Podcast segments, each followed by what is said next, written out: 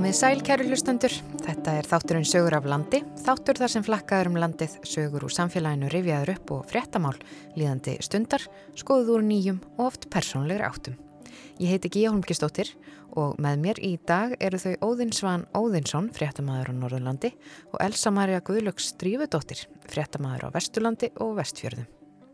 Í setni hluta þessa þáttar þá munum við fræðast um endurheimt votlendis hjá landgræðslunni en við byrjum þáttin hins vegar á nýsköpun. Nýverið var tilkynnt um styrki frá samtökum sveitafélaga og atfinnu þróunar á Norðurlandi Eistram sem er skamstafað SSNE. Verkefni sem fengu styrk úr þessum uppbyggingar sjóði þeirra voru fjölmörg, 85 talsins og þeirra á meðal voru styrkir til þess að hefja þróun á drikjarvörum. Það er eitt verkefnið er staðsett í Hrísei og hitt í Bárðardal. Í síðasta þætti af Sögumulandi þá fórum við mitt í heimsokn í Svartárkot í Bárðardal í Þingjarsveit. Þar var rætt við Guðrúnu Sigriði Tryggvadóttur, bonda þar á bæ, um lífið og tilveruna og búskapin í Svartárkoti.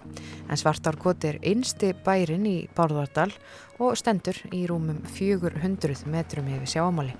Við skulum aftur halda upp í Svartárkoti í Bárðardal. Það var náttúrulega ekki og bara þegar ég er krakki þá er ekki eins og stikurinn á veginum á milli. Það er það er rauninni ótrúlega synd sem að það er að fara að stíka. Ég tók eftir því að það eru svona háar stíkur sem að minnum hann alltaf þegar maður er að færa á fjallvegi eða heiðar. Mér finnst það svolítið svona enginandi. Já, já. Núna er ótrúlega lítill snjórn hring veginn. Það, það, er, það, það er alveg startasnjó, það sér þetta svolítið svona í sköplum. Já. En það, þú veist, vegurinn er ekkert komin undir þar á því. Það eru örfáðum stöðum að segja einhver svona smá ruðningar þannig að þetta er ekkert, ekkert vandamál með færi. Nei. og hefur ekki verið í vettur það sem afi er. Já, við Guðrún rættum ími slegt eins og þið heyrið. Það er færðinn og svona lífið og tilveran í, í sveitinni. En við rættum líka nýsköpun í dalnum. En bændurnir í Sortarkoti stefna á að framleiða eigin ráskingu og það er ekki eina nýsköpunin sem að bordælingar standa fyrir því nokkrir aðilar í dalnum fengu styrk til að hefja lífræna drikjar framleiðslu. En áður en að hún Guðrún segir okkur nánar frá því og skulum við aðeins reka í nefið í fjárhúsin.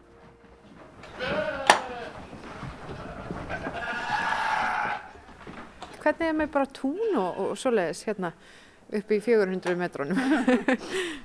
Já, það er svona ákveðin, ákveðin áskorun gagvart kali og líka ákveðin áskorun gagvart, gagvart enduræktun.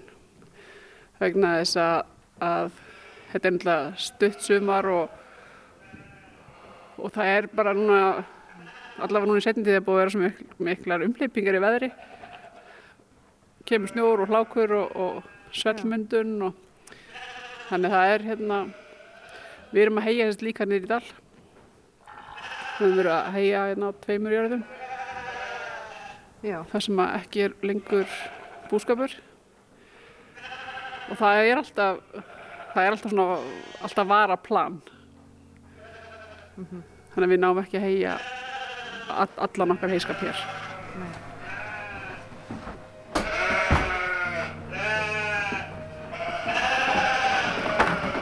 ekki fara að gefa ykkur neitt.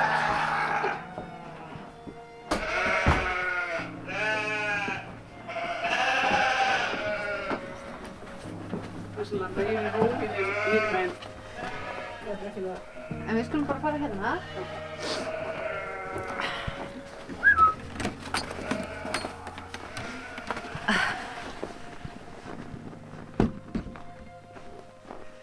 Já, eins og við rættum áðan þá eru þið að fara í gang með svona pínu, eh, þið eru alltaf að huga nýsköpun mm -hmm.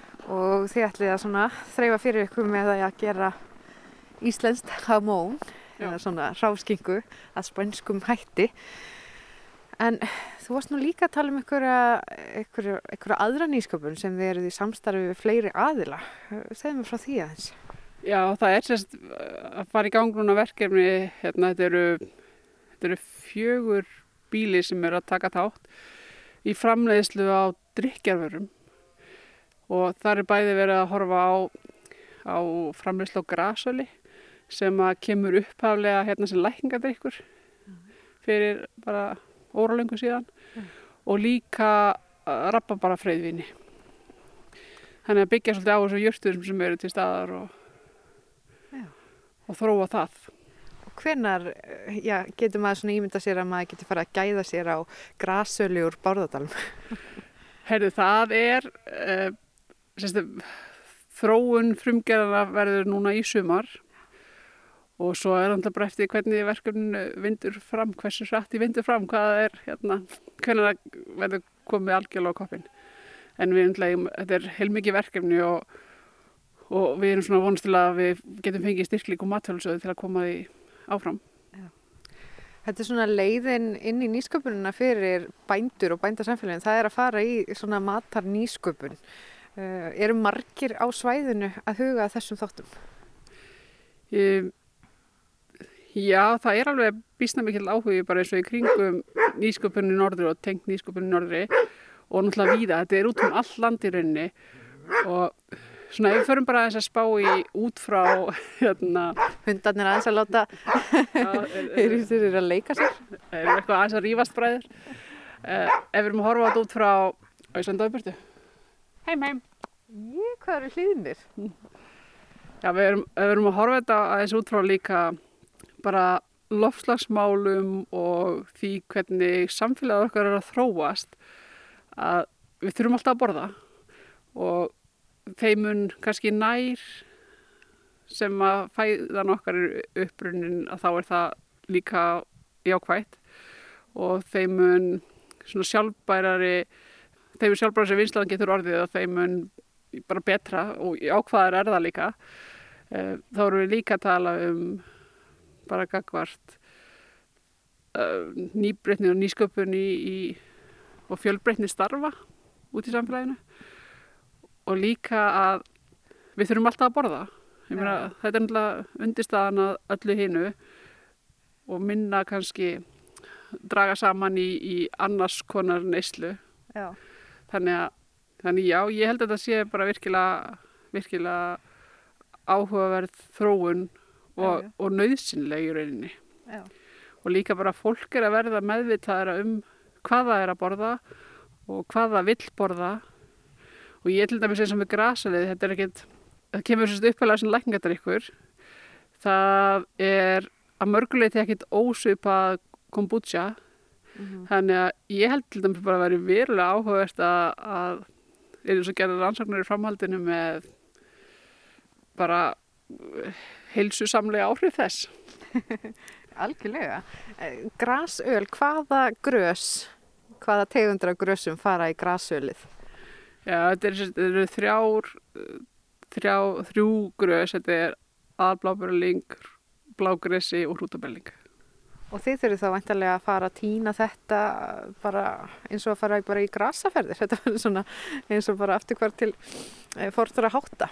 Já, þetta, þetta er drikkur sem hefur verið, verið búin til bara á heimilum, mm. hérna sjálfsagt bara frá því að uppáflega kemur og við þróast kannski yfir að vera meira svona, meira svona bara svaladrikkur eða, og það er rosalega gott.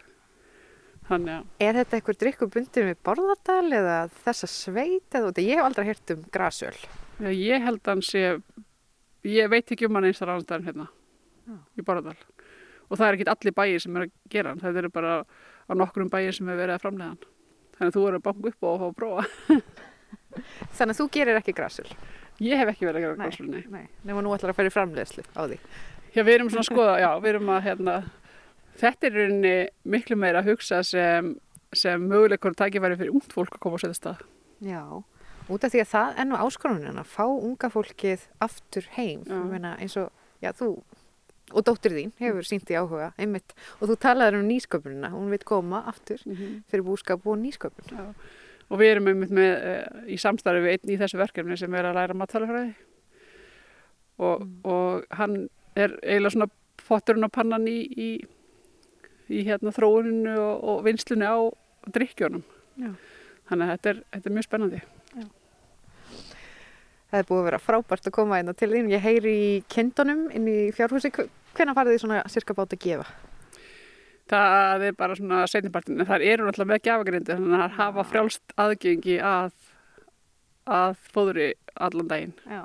Og hvernig er svo planið þitt út daginn? Hvernig gengur dagurum fyrir sig hérna í svartárkoti? Hefur þið hefðbundin dagur?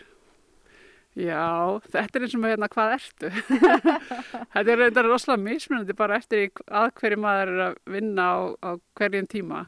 En ég vil svona reyna maður að vinna einhverjum verkefnum meira já, bara fyrir partin eða meðan skólinn er í gangi. Uh, núna eftir er ég að fara með strákjuminni fermingafræðislu og, og hérna og kem svo bara heim og, og eftir það. Já var á fundum tengt þessum nýsköpunarverkefni um drikkina í morgun og, og svo aðeins að bara þessi sambandi svartakummenningu náttúru líka og þannig að þetta er eiginlega bara eftir í hvernig staðan er. Og stundum fer ég bara út í skemm og púsa gömul húsgagn og er, a, er að gera upp mér finnst það líka rosalega gaman. Já, það er svona hobbyið þitt. Já, það er svona hobbyið mitt. Ah, en annars hérna þetta snýst bara svolítið um að gera það sem maður hefur gaman að og, og hafa áhuga og ánægja því sem maður er að gera. Þetta er bara svo skemmtilegt líf Þarna var rætt við Guðrúni Sigriði Tryggvadóttur, bónda í Svartorkoti í Borðardal um lífið og tilveruna og fyrirhugaða drikjar framleiðslu í sveitinni. En frá einum drikk yfir í annan. Gen og viskigerð í Hrísi var eitt af þeim verkefnum sem fengur styrk úr uppbyggingarsjóði Norrlands Eistra. Óðinsvann Óðinsson hitti Björn Gretar Baldursson og forvetnaðist um verkefnið. Við býðum bara velkomin Björn. Uh, Takk fyrir. Mér lókar kannski að byrja bara á, á þér áður en við förum í þessi áform þín út í Rísei. Hver, hver er þú? Já, ég, eins og þú segir, Björn Gretar heiti ég og hérna er 29 ára gammal flugumfærastjóri hérna á Akureyri úr Þingjarsveitinni. Bara byrja, kynntist og ég er ekki eins og það langt síðan ég fór í viski. Þetta bara var áhugi, maður greip þetta og bara búin að vera fastu við þetta síðan að þetta sé eitthvað vandamál. En viski er nú svona drikkur sem að maður þarf að læra að drekka það ekki? Þú, þú, hann var ekki, ekki ástu fyrst að sopa það? Nei, ég voru þó nokkru sopar og þetta er eins og ég hef alltaf sagt að við alla, alla svona í rauninu eins og varandi með rauðvín er ekki rauðvín, bjór er ekki bjór og, og viski er ekki viski. Þegar maður allt í hennu hittir á það viski sem kveikir áhugan þá er erfitt að snúa, snúa við Hvaða viski var það í, í þínu tilhörli? Mitt eh, var Ardbeg 10 ára sem er þá eigaviski eða ælei viski, reykt og, og eins og ég sagði sko að fyrsti sopin líktinn þetta var eins og rossarnakkur og blöytur hundur blandað við hangi kjött og, og en samt einhvern veginn líka var e, sæta í þessu og þetta var svona svo marg snúið og, og þá eftir það þá fór þetta vekki áhuga minn og að kynast þessu nánar Rossanakkur, blöytur, hundur og hangikett. Var ég... það eitthvað sem vakti þinn áhuga? Það er merkilegt þótt að maður sittur þetta allt saman í, í eina lýsingu þá, þá smakkast þetta vel í glasi. Já, það, það, þetta hljómar allavega ekki vel en, en ég ætla að trúa þér að því að þú ert viski sérfræðingur.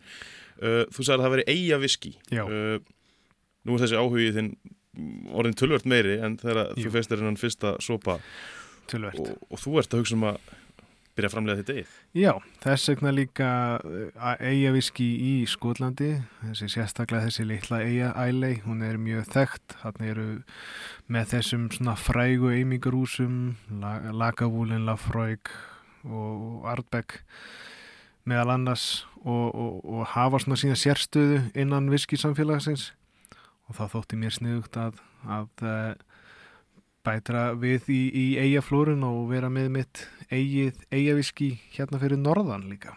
Er þið þetta nyrsta eigaviski í heimi þá? Þetta er þið það, en, en svo er. En af hverju Rísi? Áttu ykkur tengingar þangað? Ekki en eina einustu. Ég, síðasta sumar þá var ég bara að fara í annað skiptu á æfinni og þar áður voru, þá sem sagt hefði ég komið einu snöður og liðið næri svona 15-16 ára milli og hef engar þannig séð tengingar, bara eigin er falleg og síðan heyrði ég að því að þeir eru með sína eigin heitavarslind, ramagnúr landi og, og, og bara svona vart uppstöðu og, og það veitir ákveðin stöðuleika sérstaklega fyrir svona framleiðslu og ég bara vissi strax að þetta væri klálega staðurinn fyrir svona framlegslu og vitandi það líka að, að þarna úti í, í eigu er fólk sem brennir fyrir nákvæmlega sama áhugamáli og ég myndu standa með þessu og það er mikill áhugi strax að, að keira þetta verkefni af stað. Þannig að þú bara ert í heimsók, ert að skoða hrísi og hugsa hérna ætla ég að opna viski framlegslu. Það er bara þannig. Þetta er svolítið klikku hugmyndið ekki? Þetta er pínubiluð, þetta er uh, bæði tímafrækt, þetta er uh, dýrt og uh, núna er þetta bara, sem betur fyrir er ég bara í núna undirbúning, þetta er allt núna bara skrifa umsóknir, skrifa áætlanir, gera, gera og allt klárt undirbúningsvinnuna fyrir síðan áframhaldandi stefnu og jújú, jú, þetta er ákveðin bilun í þessu en, en þetta er einhvað sem ég er búin að vera með í magunum í smá tíma og ákvaða bara að láta vaða.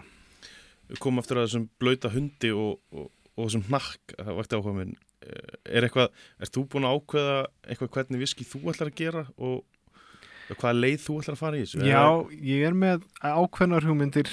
Ég veit það hins vegar sko að, að það er freistandi að, að nýta þessa sérstöðu sem Ísland er og, og gera viski reynilega bara úr íslensku byggi. Eh, flóki til dæmis gerir það og gera það mjög vel en það, það gallin við íslenska byggið er að það er ekki jafn mikil sigumagn í því og, og utan, hann að maður þarf meira uh, af því til þess að fá í raun og sama skamt og, og minni skamtur á byggi myndi gera það erlendum þannig að ég myndi í raun og veru vera með kannski eitt viski sem er bara íslenskt sem eru þá gefið kannski takmörku upplæði og síðan verður meira og minna innflutt af byggi síðan, það, núna er þetta akkurat þessi rannsóknarvinna. Mér langar til að hafa þetta reykt. Mér langar til þess að viski smakkist eins og blöytur hundur. En nú er þetta bara það að sjá hvað ég get gert hvernig byggi ég fæ aðgangað og, og hvað ég get gert úr því bara eitthvað sem höfðarvondi til flestra en líka til þennan hóp sem vill einhvað sérstakt og öðru í sig. Eh, en fyrir þá sem ekki vita og tala mikið um bygg, hvernig býrðu til viski svona í sinni einföldustu mynd? Í, í sinni einföldustu mynd þá er þetta næstu því sama ferðlu og búið til bjór. Þú í raun og veru tekur maltað bygg, gerir hálfgegan gröyt úr þessu, síður svona, býr til svona hálfgegan suðugröyt þanga til að það eru ákveðin enzím eða sigru sem losna um það og síðan tekur gröðin í burtu og þá ertu með vögvan leifur húnum að gerjast upp undir ákveðin prósent og þá fer þetta í gegnum eimingarferlið og fer í gegnum tæki sem býr til þessi kallast lóvæns og það er þá oftast í kringum 38-37% og síðan fer það í gegnum eh, sem sagt, eh, það sem kallast eh, spirit still. Og það mun þá ná þessum herri prósentum úr því. Út frá því þá velum maður í raun og svolítið hvað úr framleyslinu maður vil taka en þann sterkar spýra og það er það sem þú ákveður eiga og situr á tunnur. Þetta er kostnaða samt eða ekki? Þetta er kostnaða samt, já. Og, og sérstaklega að starta þessu? Sérstaklega að starta þessu Og, og vantarlega, nú hefur ég engin sérfræðingur viski en En ég held að því sem er eldra, því betra og dýrara, þetta er vantilega mjög mikið svona langtíma Jú, verkefni. Náttúrulega viskið þarf þrjú ára á einn dag til þess að vera viski. Þannig að þú, þetta er alltaf tími sem þú þarf að, þú þarf að lámarki þrjú ár til að geta að kalla þetta viski. Uh, samkvæmt þeim reglum sem við fylgjum. Eh, en síðan kemur akkurat þetta. Þarf þetta endilega að vera eldra til að vera betra? Markaðurinn í dag er, er mikil eftirspurn þannig að menn eru farnir að leggja meiri áherslur og meiri metnað í yngri viski þar sem bara þryggja ára viski er að koma markaðin og bræðast bara eins og tíu ára viski. Þannig að e, þetta er akkurat svo tækni og svo menning sem ég þarf að fylgja eftir til þess að geta búið til gott viski en það verður ungt En hvað er það við rísið? Þú talar um uh, vatnið, er, er eitthvað landfræðilegt sem skiptir máli varandi þetta? Ekkert endilega, jú, náttúrulega umhverfið hefur áhrif. Þegar viski er komið á tunnu þá ég raunum að segja að tunnan andar. Hún dregur að sér uh, umhverfið, sjóin þau viski sem hafa verið eru mikið geimt við sjóf gefa svona pínu salt bræð í viskið út af bara sjónum sem mér finnst periódu persónulega alveg frábært. Og þá við hrísei, náttúrulega umkringt sjó og þá slepp maður ekki við það að það mun koma pínur svona sjáar uh, blæðir í þetta. Og uh, já, síðan mun um, líklega vatnið hafa bara mikil áhrif á hvernig viski með smakkast bara steinefnin í og þess áttar. Er ekki líka í, í svona bransa að veintilega vera að gera þetta út um allan heim mikilvægt að skapa sér einhverja sérstöðu og þá er meiri sérstæði því að framlega viski í Rísei heldur en bara hérna inn á Akureyri. Jú, og það er nákvæmlega það. Ég hef akkurat búin að fá spurningana af hverju Rísei og svarum þetta er það, þú færði til að hugsa. Þú spurðir spurningana af hverju Rísei, af hverju ekki frekar já, þú ert að hugsa um Rísei. Þú færði til að spá í Rísei, af hverju Rísei, þetta er áhugavert, þetta vekur áhuga og þessi sérsta að geta sagt, eh, sett sér í að það að vera nýrsta eiga, eimingarhús í heimi það fær fólk til að snúa hausnum og síðan sjá þessa litlu eigi ekki bara það er hún lítið þetta er hún líka falleg með þetta bara öll þessi fjöll í kringu sig bara það held að þetta gerist allar flottara sko. Hvað er verkefnið start núna? Alveg bara í starthólunum. Ég er bara núna að vinna í öllum áallunum uh, þetta er eins og þú segir, þetta er kostnarsamt þannig að ég þarf að vera með allar áallanir alla kostnarliði bara eins og upp á tíu geta verið eins nálagt því og hvernig þetta verður.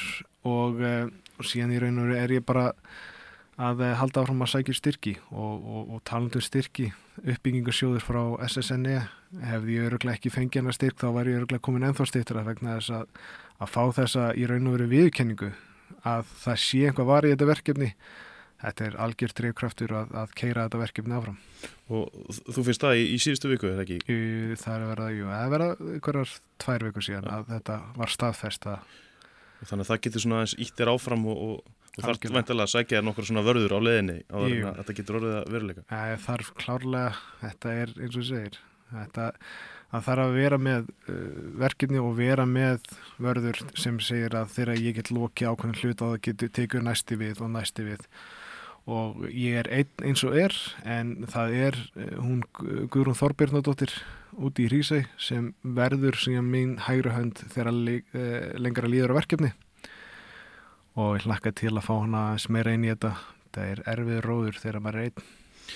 Uh, En svona samfélag eins og Hrísæ þetta er náttúrulega, uh, þú segir sjálfur þú ert ekki með neina tengingan á hvað, bara kíktir á hvað hvernig hafa heimamenn tekið í þetta? Hefur þið rætt þetta eitthvað við fólk í hrísi? Ég hefur rætt þetta við uh, nokkra einstaklinga, ekki þetta alla, en uh, hljómurinn er rosalega góður. Bara ég hef heyrt að fólk er að segja að þetta er framlegsla og, og verkefni og verksmiða sem á klárlega heima þarna mun veita eiginni á hver sérstuð og ég talangi um að síðan eru við með kalda þarna við hliðina og þá eru við komið með eimingrús sem framlegir viski og síðan eru við með frábær brugghús hlið við hlið Þetta mun bara að laða fólk út í eigu, út á áskorsand.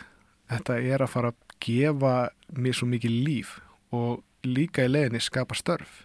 Það er náttúrulega landnámshænur hérna í Hrísi og það er, það er verkefni sem hefur vakið mikla aðtegli og gengið vel. Þannig að Hrísi verist henda vel í svona frumkvöla starfsefni. Já, frábært verkefni og, og ég hlakka til að að ræða eins við þá varandi með það hvort að þeim langi ekki í svoðið malt fyrir hænurnar og, og, og búa til ofurregg. Það væri, væri skemmtilegt. En þú ætlar ekki bara að gera viski, þú, þú ætlar eitthvað að spá í geni líka? Uh, gen uh, sjálfsögur vegna þess að þetta eru, þau eru í raun og veru sama ferli sem byggir á þessu, mjög keimlíkt allavega uh, og geni tekur stittur í tíma. Ég get komið því fyrr út það þarf ekki að býða í mörg ár þángar til að gena tilbúið, það fer bara í gegnum vinsluna og í rauninu beint á flösku. Þannig að eh, og síðan er hísi líka svo, kom svo langt í þróun á kvönn að það er ekki spurning að búa til kvannargin og, og reyna að nýta þá þekkingu og, og svo starfsemi sem er í einu þegar til þess að búa til frekari vöru sem kynni hísi Er eitthvað fleira sem að þú ert að, með augun opinn fyrir á þessum stað? Er, er eitthvað í, í, þú ert búin að setja upp versmiðun, eitthvað að tækjum sem er að nota í einhvers konar að, aðra framlýst? Já, það er ekkit eitthvað þannig sko, þetta er aðalega bara snýst um þetta tvent. Síðan er maður náttúrulega bara með draumóra og, og, og svona fantasýr. Ég ætla, að nýta mér heita vatnið og kannski getur maður einn daginn verið svona flottur eins og kaldi og gert einhvers konar baðstað. Ég veit það nú ekki hvort að það veri einhver tíman raunhæft en ég meina hrísi er falli og okkur ekki að geta hoppa í pottin við sjóin Þið var ekki mitt, það er mikil menning í þessum, þessum brugghúsum sem eru búin að spretta hérna upp út um allt síðustu ára að fá fólk til sín Já. kynna viskið, eða kynna vöruna og, og þú lítur á að horfa í eitthvað svoleiðis líka Ég meina ef maður horfir bara í nágrannulöndin þá snýst næsti stærsti hlutin af viski framlegslinni er að fá fólk í heimsókn að kynna viski á stanum, kynna framlegslina og það býr oftast til svona fólk sem vill þá vera meira að kaupa frá þessum eimingarhúsum. Og þú færði einhverja persónlega kynningu, þú færð meira svona uh, þekkingum framleiðsluna, þekkingum staðin, þekkingum fólki sem er að búa þetta til, býr til meiri svona persónlegri uh, samskipti og það er klárlega eitt af þessu. Ég ætla að setja upp kaffjús, það verður að vera partur af þessu.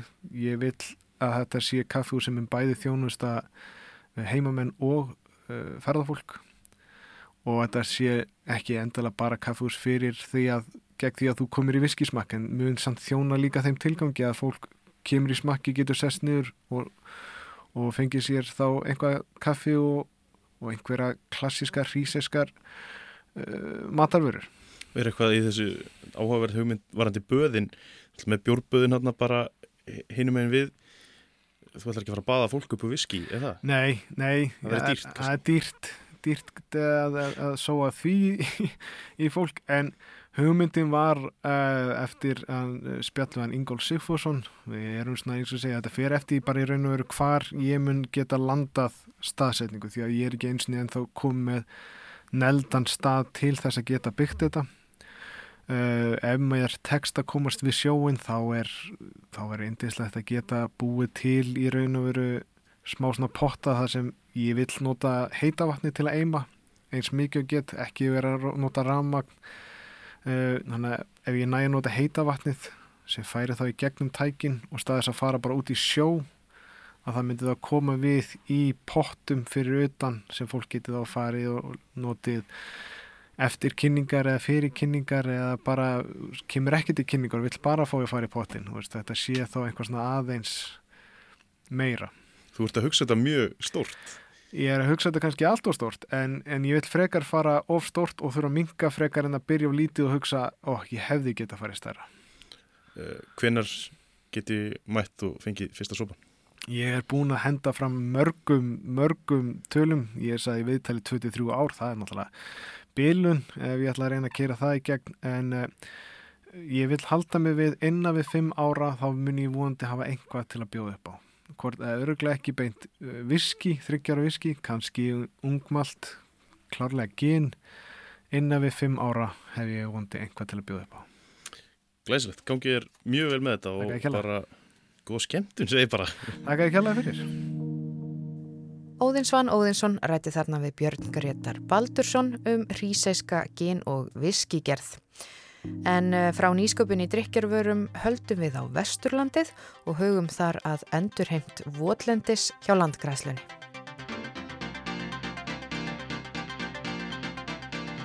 Landgræðslan er þekkingar og þjónustu stopnun sem hefur það markmið að vernda, endurheimta og bæta er auðlendir þjóðarinnar sem fólknar eru í gróðuri og í jarðvegi og tryggja sjálfbæra nýtingu lands. Eitt af verkefnum landgræðslunar er endurheimt votlendis og það gera þau í nánu samstarfi við landegandur. En þá sér landgræðslan alfarið um úttækt á svæðinu, skipulag og fjármögnun framkvæmdarinnar. Við skulum kynnast yðunni Haugstóttur, verkefnastjóra hjá landgræðslunni. Hún er svo sem að mætir á landið þitt með alls konar mæli, tæki og tól ef þú átt land og ákveður að endurheimta votlendi í gegnum landgræðsluna.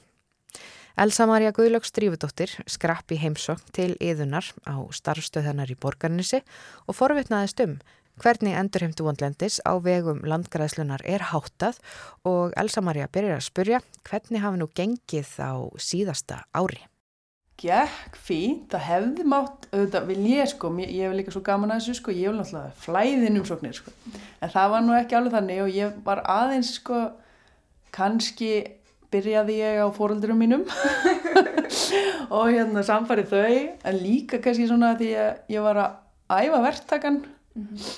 sem að er bara vinur minn líka og æfa sjálfa mig. Þannig við tókum svona smá prototípu en svo náðum við 100 hektara samfélgisvæði á Snæfisnesi af því að það er maður sem er búin að vera lengi að hafa samband við okkur sem vildi endur reynd á útliti og svo hafði ég samband við jörðina, sérst landi undir jörðinni við hliðina.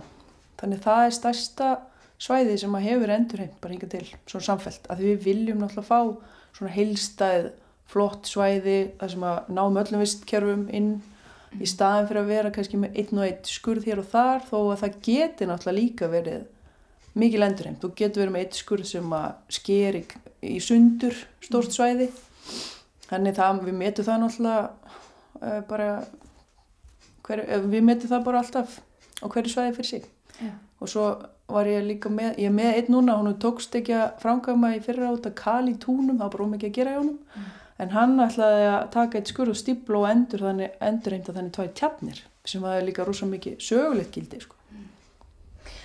En það er einmitt þetta sko, ef ég er landægandi og ég á hérna framræst land, um, það er svona, ég, ég er kannski með tvær spurningar. Uh, í fyrsta lagi sko, af hverju ætti ég að vilja endurheimta þar og hvað græði ég á því? Það getur verið mjög margar ástæði fyrir að þú viljir endurheimta. Til dæmis í fyrra sem við vorum að endurheimta, einn vildi bara fá náttúrunan tilbaka eins og það sagði og einn vildi langaði aðtöga hvort að vatnið við hliðin á framræstu mýrinni það myndi vassbúskapin í vatninu myndi eh, batna sagt, það var alltaf að hækka og lækja í vatninu. Og skurðin er runnu beint út í vatnið. Mm -hmm. þannig hann, eða þau, þú vorum alltaf nokkur þau vildu til dæmis og hafa séð það núna eftir endurhendina að vatnið er ekki, það er ekki af mikla söiblur í vatninu. Og þetta á líka við til dæmis ár og bara fiskin í vatninu og lífrikið að það getur haft jákvæða áhrif og hefur það yfirleitt bara. Ef maður endur eitthvað mýrar við hliðinu á og í þurkatíð þá heldur uh, áinn frekar vatni. Að þetta náttúrulega virkar eins og svampur bara mýrarnar. Og svo til dæmis já á einu stað þá fannst þeim opnast landslæði aftur og miklu fallera að því það var mýri og svo horfurinn er á sjó. Mm -hmm. og mér var staðilega mjög skemmtilegu punktur sko þegar þau horfðu og bara, herðu það opnaðist alveg landslæðið eitthvað sem við hefum ekkert pælt í sko. Enda mjög gömul endurinn pabbi hafði aldrei sko, þetta var heima pabbi hafði aldrei séð neitt annað. Þetta hafði alltaf verið til eins og hann sagði sko. Mm. og þá náttúrulega, það er oft þannig í okkur ef eitthvað hefur alltaf verið til, okkur þá breytaði sko. Svo eru sumir að spá í, í kólumni spindingu en það er nú bara, finnst mér ekkert svo oft sko, það er eða ofta sem að fólk bara þykir væntu um landið og vil færa það til fyrra hors og við lítum líka á kólumni spindinguna bara sem, það er náttúrulega bara auka afurð, bónus sko, að stoppa það. Mm -hmm. Við, langarslan er, við erum að endurheimta visskerfi og það er alveg heil fræða á baku það.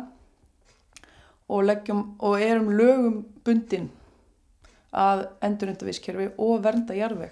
Og raun og veru er framræsla mýra líka jarðvegs eyðing og bara að því að maður hugsa um jarðvegseyðingu og flestir á Íslandi þá hugsa maður alltaf svona örfóka land og sanda fjúka og rofabarn og kindina, hún er alltaf sett aðna í rofabarn og hérna þannig að sko raun og veru þó að þetta er nú yfirlt vel gróið sko mýrannar þá ertu raun og veru líka horfa og jarðuðseggingu þar ef það er vel framræst. Svo getur það náttúrulega verið. Stundum með mýri bara frekar stundum með vassstaðan frekar há í mýrum en það getur kannski svo bara komið þurkasumar þá lækkar hún. Og þá byrjar sko koldisýringun að losast að því að lífranna efnið sem er bara kólefni hann hittir súröfni og byrjar að brenna í burtu. Mm -hmm. þannig að raun og veru ef þú með vel framræsta mýri þá ertu raun og veru bara að missa land líka. Þannig að þú ert að tapa landi. Og, og við höfum líka séð sko að það er stórt vat sem að fólk vildi fá styrkja okkur til að setja varnagarð að við erum líka með það varni gegn landbroti en við sáum það að við myndum frekar endur enda mýrina mm þá myndir landi hægt að lækka því það var vandamáli landi lækkaði og vatni var bara að fara í burtu sko. þannig að þetta er mjög þetta er ímis konar sko, þetta er ekki þetta er alltaf sett svolítið einfalt fram í, í umfjöllun en þetta er bara já, marg slugnar en það. Já, þetta hefur bara heilmikil áhrif á, á, á sínd og hæðun landsins. Já, auðvitað, já. þetta er náttúrulega bara, bara að breyta eðli visskerfana og svo náttúrulega færðu þau ímslega tilbaka um leið og við erum búin að við stíplum stundu skurði í stað fyrir að fylla á það eitthvað vantar auðninga. Það er alltaf, endurnar er alltaf mættar um leið. Það er alltaf bara allt í nú labba maður svo heist bara "Ah, kvak, kvak, kvak, og svo fljúa þær upp. Þannig að það er alveg heilmikið líf sem að fylgir er líka sem kemur tilbaka og svona yfirleitt eru við líka að vinna með land sem er ekki í nýtingu. Við erum ekkert að, hérna, sko ef að landnótandi skoða landi sitt þá er alltaf mjög gott að hugsa hver er framtíða nótkunin og ef til þess með eitthvað svæði sem að þú ert að stækka búið eitt og eitthvað svæði sem þú sérð og þarf kannski að fara að nota eftir, eftir einhver ár þá náttúrulega bara geymur það. En það er svo oft og mörgum stöðum sem að er mun aldrei vera nýtt, var aldrei nýtt heldur, var bara móka til að móka Já. og mér sé að stundum er svo skringilega móka sko að maður svona, já, þú, þú getur ekkit unni með þetta land. Þannig að það er til nóga bá, báðu sko. En eh, er það í einhverjum tilveikum sem að endurheimt er kannski ekki ákjásanlega leiðin?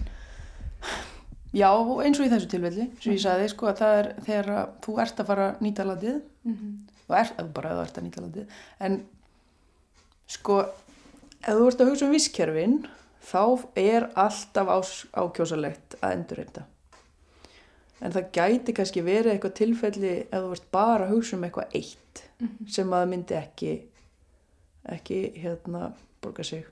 En að mínum að þá ættu allir að vera að hugsa um heilstæð visskerfi, ekki bara einhvern eitt þátt. Og það mætti alveg svona auka umræðin um það líka af því að þetta er orðið svolítið kólumnisbindíkar tengt sko og bara allt lífið okkar við erum bara öll allt í einu eitthvað kólumnisspor og hérna sem er náttúrulega ágætt út af fyrir sig en stundum á ekki láta stjórna öllu En eh, segjum sem svo að ég er landegandi og, og hérna og nú er ég orðin sannfærð um það að endurheimt sé svo leið sem ég vil fara. Uh, hvernig byrja ég? Hvað er það fyrsta sem ég geri og hvernig er ferðið? Sko, ef þú ert alveg samfær, þá bara sækir um. Já. Já, það er bara á, á hérna, heimasíðinni, heimasíðu langrislunar, það er bara sækir um, þetta er bara umsókn á, á hérna rafrænu formi og þá fæ ég hana og ég tek hana og yfirleitt viljum við að fólk setja inn einhver, einhverja mynd, einhvert skjáskot af svæðinu. En ef það er eitthvað svona, en svo, svo náttúrulega byrja ég bara á sambandi við landið undir. Uh, stundum er kannski búið hafa samband og maður er búin að skoða svæði þannig að maður veit þetta en ef það kemur bara inn um sókn og ég veit ekki neitt þá fer ég alltaf inn á, inn á loftmyndir og kíkja á svæðið en ástæð fyrir við viljum að vita hvaða svæði er að það er ekki nóg að hafa alla jörðina sko, því það er kannski eitthvað sem þú ætlar ekki og eitthvað sem þú ætlar sko. og svo er þetta rosa mikið samtal millir landegjandun okkar og svo förum við og kíkjum á svæði það sem við gerum fyrst er að við erum svona jarvegsprík mjótt og langt og kíkjum á hversu djúpur jarvegurinn er og hvort það sé mikið lífrænt efni. Stundum er að blanda með sandi og eitthvað en, en það er bara líka áhugavert fyrir okkur við viljum vita hvernig visskerfið er. Og reynum að kíkja svona hvernig vatni rennur og hvort það sé mögulegt. Stundum er til dæmis eitthvað eins og vegur sem að sker í burtu vassflæði sem mun koma inn á svæðið og kannski stórir vegaskurðið sikur megin sem við megum ekki fyll í. Já. það er oft sem við megum ekki vera vasast í vegaskurðunum þá mun kannski svæðið ekki blotna veist. En annars er yfirleitt bara hægt að endurheimta. Og svo næst þá fer þetta bara plan hjá okkur og við reynum að hafa svona tveggjara ferli. Og það sem það þarf að gera er að kortleggja við kortleggjum hvernig einasti skurð og svæðin í kring eh, hérna, gróðurinn og svona til þess að geta svo kortlegt setna, kannski fimm ára setna og sé hvort eitthvað að breyst gróðurinn og, og það. Og svo er kortleggingin líka svolítið svo við höfum leiðbynningar fyrir verktakan til að hann viti hvað hann er að gera.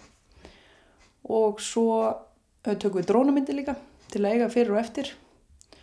Og svo, þetta fennar alltaf eftir bara tíma og geta okkar. Og svo förum við í að framkama kannski árið setna, kannski en þá finnum við góðan verktaka og vinnum með honum alveg.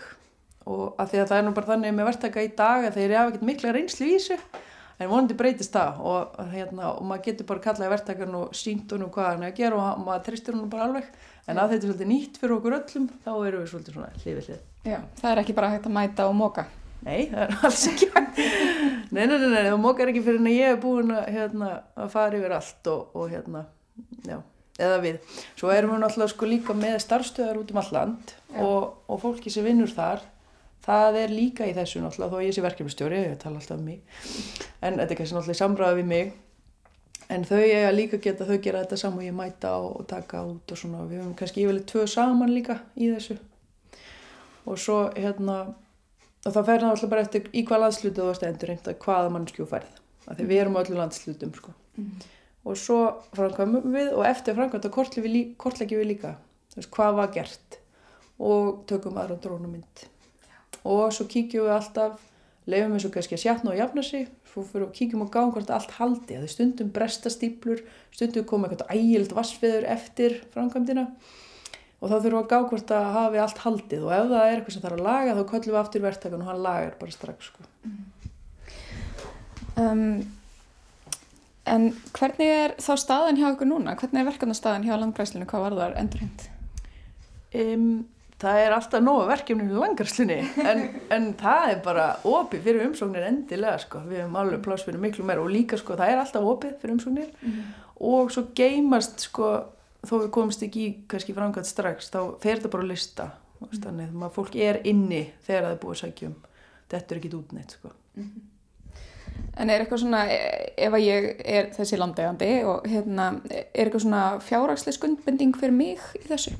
Nei, við borgum sko alla framkvæmdina. Styrkurinn virkar þannig að uh, sagt, peningurinn sem borgar út er raun og veru bara reikningur frá verktakanum mm -hmm. sem við borgum alveg. Þannig það þarf ekki að leggja út neitt pening í þetta.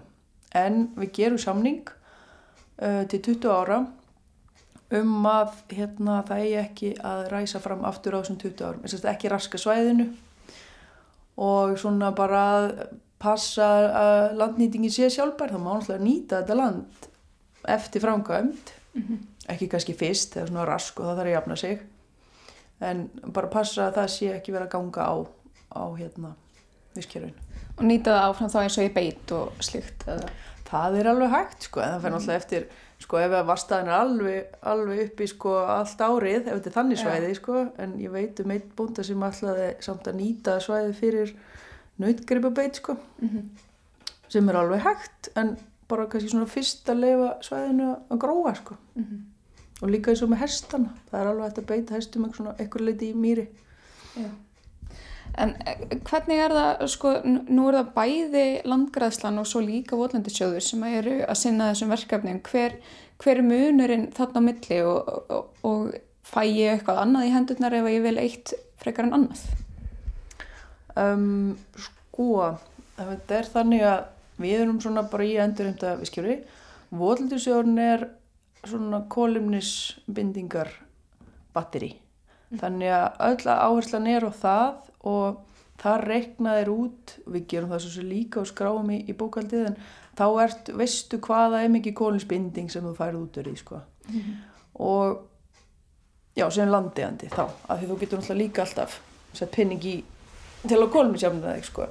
en landiðandinn, en þeir eru nokkra, með nokkra leiðir sem að ég náttúrulega þekk ekki alveg en ég held að helst í munurinn sko er að kannski að við gerum samlítið 20 ára um að raska ekki en við tökum ekkert kólefni til okkar en þeir taka kólefni 8 ár held ég þannig ef þú ert bara að hugsa um kólefnið þá þarfst það kannski að skoða mm -hmm. veist, hvað þú vilt Er kólefnis bókaldið. Já, ef þú ert bóndi kannski og vilt, eða bara með eitthvað fyrirtæki sem er tengt jörðinni, þá mm. viltu kannski sjá ef þú ert, hérna, vilt fá kólefni til að kólefni sjafna eitthvað starfsemi, sko.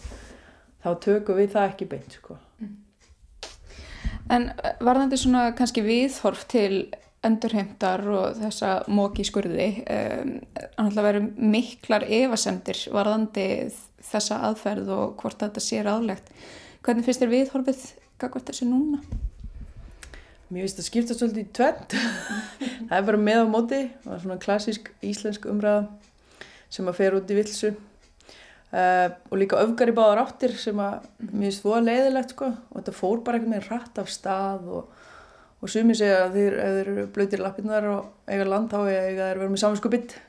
En, en ég, ég veit ekki, ég, hérna, það er kannski svolítið að þú ætti að nýta landi almennilega þá vilt ekkert vera að bleita uppi en það er engin að fara að gera það og þú þarfst ekkert að gera það. En bara endilega ef maður er ekki að nýta landi og það er opið þá þarf að loka því. Þetta er ekkert ástand til að, að hafa land af því að þetta er einmitt sko munurinn og sér framræsta mýri sem er bara enginn að nota. Þá ættir að vera að horfa bara að róa barið mm -hmm. og landi fjúki burt. En það er, er það sem er að gerast. En af þetta er vel gróið, hæ, hægt ferli þá hefur þetta ekki svona áhrif sko. Og svo er náttúrulega aðal áhersla núna í lofsla, lo, hérna, lofslagsbreytingum og þetta er aðgera, í aðgera áallun stjórnhalda er að hérna, endurhemta volindi og þess vegna held ég að það er eitthvað þannig að þetta hafa efasandir um allt sko en að því við erum með þessi alþjóðlu tölu það er 19 tónn á hektara 19 tónn af kólefnis ígildum eða eitthvað svo leiðis sem maður losar og þetta er náttúrulega bara al, alþjó, alþjóðleg meðaltalstala. En við höfum ekkit annað sko. Yeah. og eitthvað þarf að nota ef þá að fara í þess að þú veist það er reysastórt kólefnisbókald fyrir Ísland. En þú verður náttúrulega að hafa einhverju tölu. Og það er bara ávið um allt. Það er engin kólumistala á neinu sem er framleitt eða eitthvað alveg rétt.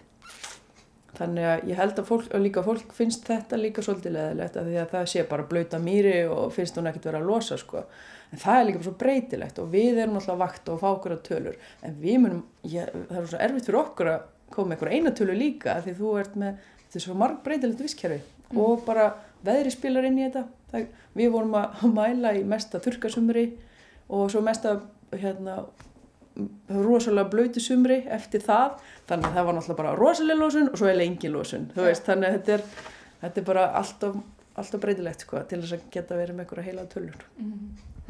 En eh, svo hefur maður líka heyrt að ef þú mókar skurð þá mun hann á endanum fylla upp í sig sjálfur og, og þetta mun jafna sig að sjálfur sér eh, stemmir það? Eh, sko ef það rennur vatn í skurðin þá er vatnið alltaf að taka í burstu mm. eh, og ég hef ekki séð neitt skurð sem er bara orðin aftur eins og hann var eða búin að fyllast alveg upp maður hefur alltaf séð skurði sem eru svona hálf fullir en þá er kannski vatn í þeim samt og gróður og svona og þetta er rosalega mikið ingripp þó að það sé bara lítill skurður í visskerfi sjálf sko. það getur náttúrulega haft áhrif á kannski ykkur á losun en þú ert alltaf búin að raska visskerunum leið og setur skurði í gegn sko. bara veist, upp á lífkerfið eða líf, lífríkið mm. en að fylla upp sér sjálfur ég meina það eru mógræður sem ég veit ekki hvað eru gamlar hlið við hlið einn er full samt yfirleitt að einhverju leðji hún er komin með eitthvað fast lífrand efni og hinn er alveg tóm þannig að þetta er líka mjög breytilegt sko. en ég hef ekki séð skurð bara ég hef ekki séð eitthvað mýrasvæði fullt af skurðum sem að allt er bara eins og var það verður náttúrulega aldrei svoleið sko. um, En svo er það varandi tímasetningunum, það er ekki hægt að fara í endurhund bara hvenna sem er. Jú, jú, eða sko það er ekki að framkvæma hvenna sem er. Já. Nei, já, það við förum ekki e, af stað á fugglavarptíma. Þannig að frá svona, kannski hvað, apríl og fram í lókjúli, eitthvað svoleiðis, þá framkvæmum við bara ekki. Mm -hmm. Þannig þetta er svona mesta haustinn sem við erum að. Mm -hmm. Og þessi stóra framkvæmt sem ég eða stóra endurheimtaverkjumni þessi 100 hektarar fyrir vestan það var, tók okkur við byrjuðum í oktober og vorum alveg að vinna fram í desember sko í því Já. Og er eitthvað á döfinni núna? Eitthvað spennandi verkefni? Já, það reyndar eitt mjög spennandi verkefni en ég er svona kannski ekki alveg komin þáka að ég megi vera eitthvað að bladra um það sko en það er mjög stórt og snýst aðalega um líf, lífrikið það er ekki kólusbyndingaverkefni og, og að því við erum að væntalega kannski vonandi að fara samin að mýrarviskerfin með vötnunum og ánum. Við erum að fara endur um þess að lækjafarvegi og stöðvatn og mýrarnar allt í sömu bendu og þetta er samstagsverkefni sko, við lábúna hér á skólan. En yfir bara takk fyrir. Takk fyrir mig. Elsa Maria ræti þarna við yðunni Haugstóttur, verkefnastjóra hjá Landgræðslunni um endurheimt Votlandis. Og þar með er komið að lókum í sögum af landi í dag. Tæknimaður í þessum þætti var Lítiða Gretarstóttir. Við þakkum þeim sem hlýtu lifið heil.